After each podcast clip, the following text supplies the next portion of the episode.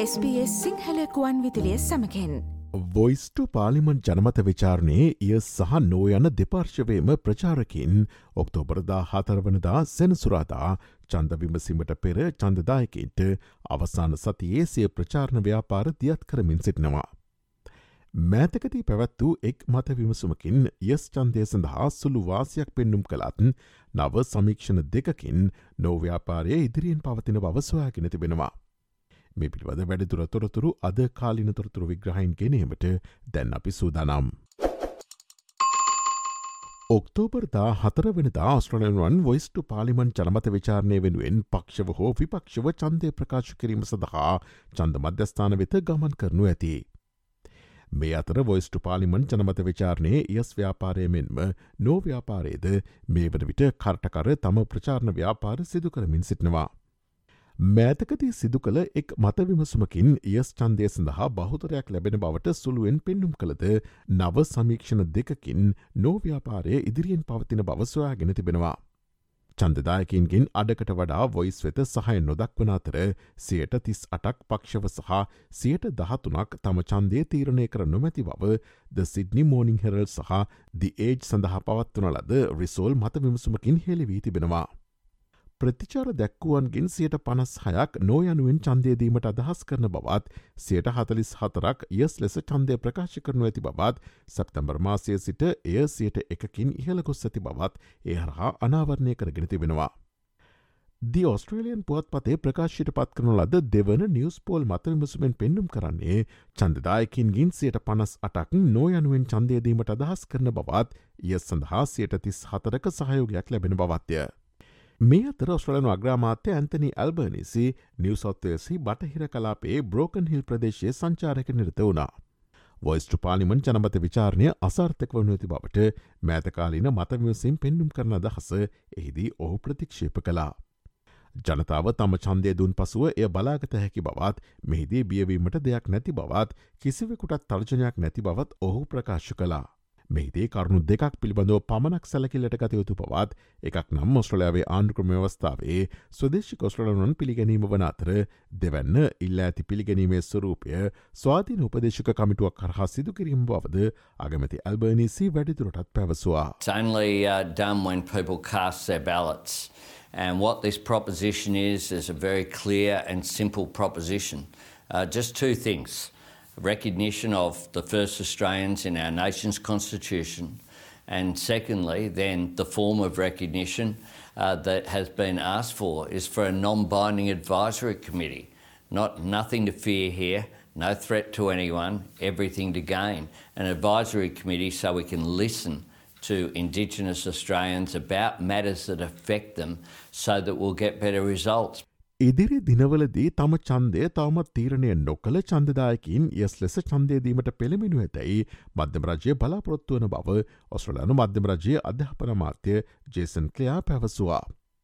බොහෝ ස්ට්‍රලනන් තමත් ඔවුන්ගේ මනස මේ සඳහා සකස් කර නැති බව තමන්ට හොඳටම විශ්වාස බවත් ඒ ගැන තීරණයක් ගැනීමට තවත් දින කිහිපයක් ඔවුන්ට ඇති බවත් ඔහු සඳහන් කලා. ජනමත විචාරණයකින් ජයග්‍රහණය කිරීම දුෂ්කර බවත් ඔස්ට්‍රලනු ඉතිහාසේ පැවති ජනමත විචාරණ පහෙන් එකක් පමලක් ජයගෙන ඇති බවත් අධ්‍යාපන මාත්‍ය ජේසන් කලයා අවධාරණය කලා. For a lot of Australians, I'm pretty sure they still haven't made up their mind. You know, you touched on the polls, they're in the paper today. There's a lot of Australians who are still not sure. Uh, Australia's got five days to make up our mind on this. And I think as people count down to Saturday, they will give this serious thought. Um, but this is tough. You know, winning a referendum is tough. Only one in five referenda in our history have got up. Uh, Labor in government has only been successful in getting a referendum up once in 1946. You know, that gives you an idea just how hard this is. This is the political equivalent of climbing Mount Everest. මේ අතර නෝ චන්ද ව්‍යාපාරය බියමත පදනම් වූ ව්‍යාපාරයක් බව අගමති ඇල්බර්නිසි ප්‍රකාශ කලා. නමුත් අගමැතිවරයා මෑතකාලින මතවිමසිම් එතරම් බැරෑරුම් ලෙස නොසලකන බවත් එයින් පෙන්නුම් කරන්නේ නෝ ප්‍රචාරක ව්‍යාපාරයට බහුතර සහයෝගයක් ඇති බවත් ෆෙඩරල් විපක්ෂනායක පීට ඩටන් පැවසවා. මතවිමසුම්මල ප්‍රතිඵල ස්ථාවරවන නමුත් වැදගත් වන්නේ ජනමත විචාරණය ප්‍රතිඵලය පමණක් බවත් බොහෝ දෙනෙක් චන්දය ප්‍රකාශ කිරීම නවත්වා ඇත්තේ අගමැතිතුමා තමන්ගෙන් චන්දය ඉල්ලන්නේ මොකටද යන්න පිළිබඳ විස්තරයක් ලබාදීමට යනවා කියා සිතපු නිසා බවත් විපක්ෂනායක පීට ඩටන් ප්‍රකාශ කලා. I think the polling's been consistent, but there's only one poll that counts, and that's why Australians need to get out on Saturday and vote no, or if they're pre polling this week. Uh, many people, I think, have, have held off casting their vote because they thought the Prime Minister was going to give the detail of what it is they're being asked to vote on. But as it turns out, the detail is not coming. The design of the voice, ironically, incredibly, starts next Monday, a week today, after the vote's taken place. And there's a six month design process that's proposed. Uh, it's no wonder Australians are looking at uh, what's before them, understanding that it is divisive, federal විපක්ෂනායක Peter Dutton මේ වන විට ටස්මේනියාවේ නෝචන්ද ව්‍යාපාරය ප්‍රචාරක කටතුරයදී සිටනවා. මත විමසුමලින් පෙනියන්නේ තස්පේනියාවේ යස් චන්දදායකින් බහුතරයක් සිටන බවයි. Voice සඳහා බහුතර සහයෝගයක් ඇති බව පෙනෙන එකම ප්‍රාන්තයේද ටස්මේනියා ප්‍රාන්තයයි. නැශන්ස් පක්ෂේ මන්ත්‍රී බානබේ ජොයිස්ද වොයිස් ජනමත විචාරණයට එරෙහිව ප්‍රචාරණ ව්‍යාපාරයක නිරතවින් සිටන අතර ජනමත විචාරණයෙන් පසු ඔස්ට්‍රලයානු ජාතියට සුවේ ලැබීමට පටන් ගන්නා දිනේ එනතුරු තමා බලා සිටින බව ඔහු චැනල් ටෙන් වෙත පැවසවා. මෙය ජාතිය පදනම් වූ වගන්තයක් බවත් කොකෙසියානු ජාතිකයකුට හෝ ඉන්දයානුවෙකුට වොයිසි කොටසක් විය නොහැකි බවත් මෙය සදාකාලික එකක් බවත් වොයිස් යනු මහජනයා විසින් තෝරා නොගන්න ආයතනයක් බවත් ඔහු පැවසවා. It's a race-based clause. Uh, it's one where a Caucasian or an Indian can't be part of the voice. Um, it's in perpetuity. It's an unelected, selected body. Um, it has oversight over the executive, and that can create confusions. We could have done this so much better. It is an absolute uh, divisive debacle. This is what has been brought onto our nation. This is a lose lose situation, this referendum, all the way around. And, you know, we're all, I think one thing we have in common, we're all looking forward to Sunday so we can start mending bridges and bury this and get on with life and next time do it in a better way. සිඩ්නිනුවර රෙඩ්ෆර්න් ප්‍රදේශය වෙතද යස් ව්‍යාපාරය ගෙනගොස් ඇති අතර එහිදී සදේශික ඔස්ට්‍රඩානු ප්‍රජානායකින් පණහක් පමණ voice සඳහා සහය දැක්වීමට රැස්ව සිටියා.